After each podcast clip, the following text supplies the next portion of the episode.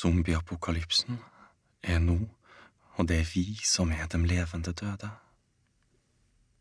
Vi spiser hverandres hjerner for en mer behagelig tilværelse, men oppnår den aldri.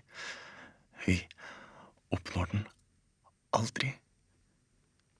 De små spirene av samfunnsengasjement og sinne faller straks til ro når vi deler det med likesinnede på lukka profiler på sosiale medier. De små kronikklignende utbruddene når kun dem som deler våre meninger, og responsen får oss til å tro at hele verden er enig i det vi sier. Samtidig står terrorstatenes ambassader i fred, og vi er lydig, levende, men død. Vi vil bli huska som dem som aldri gjorde noe.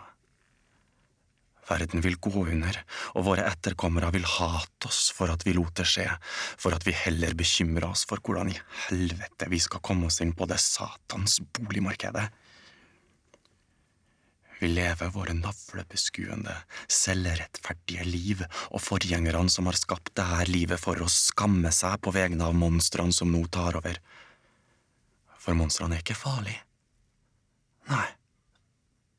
Monstrene er lydige, dressert, søt. Vi er våre lederes kjæledyr. Sitt, ligg, rull rundt, skap profitt, konsumer, resirkuler, steng grensa, ta imot flyktninger, redd landet, redd verden, spill, dø. Fuck deres forventninger til oss. Vi skylder ikke verden en dritt. Vi skylder ikke dere en dritt. Vi veit hva vi er, og vi skammer oss ikke. Vi utvikler mentale lidelser, men medisinen er ikke langt unna. Vi er den medisinerte generasjonen, og får vi den ikke på resept, selvmedisinerer vi oss. Et par ganger i uka, et par timer om dagen lever vi ut erstatninger for hva livene våre egentlig skulle ha vært. Vi er spøkelser, forskrudde skygger av oss sjøl. Gjennomsiktig.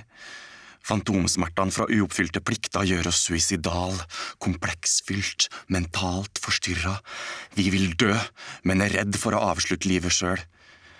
Våre liv er ingenting. Vi er ingenting. Drep oss. Drep oss alle, for vi tør ikke gjøre det sjøl.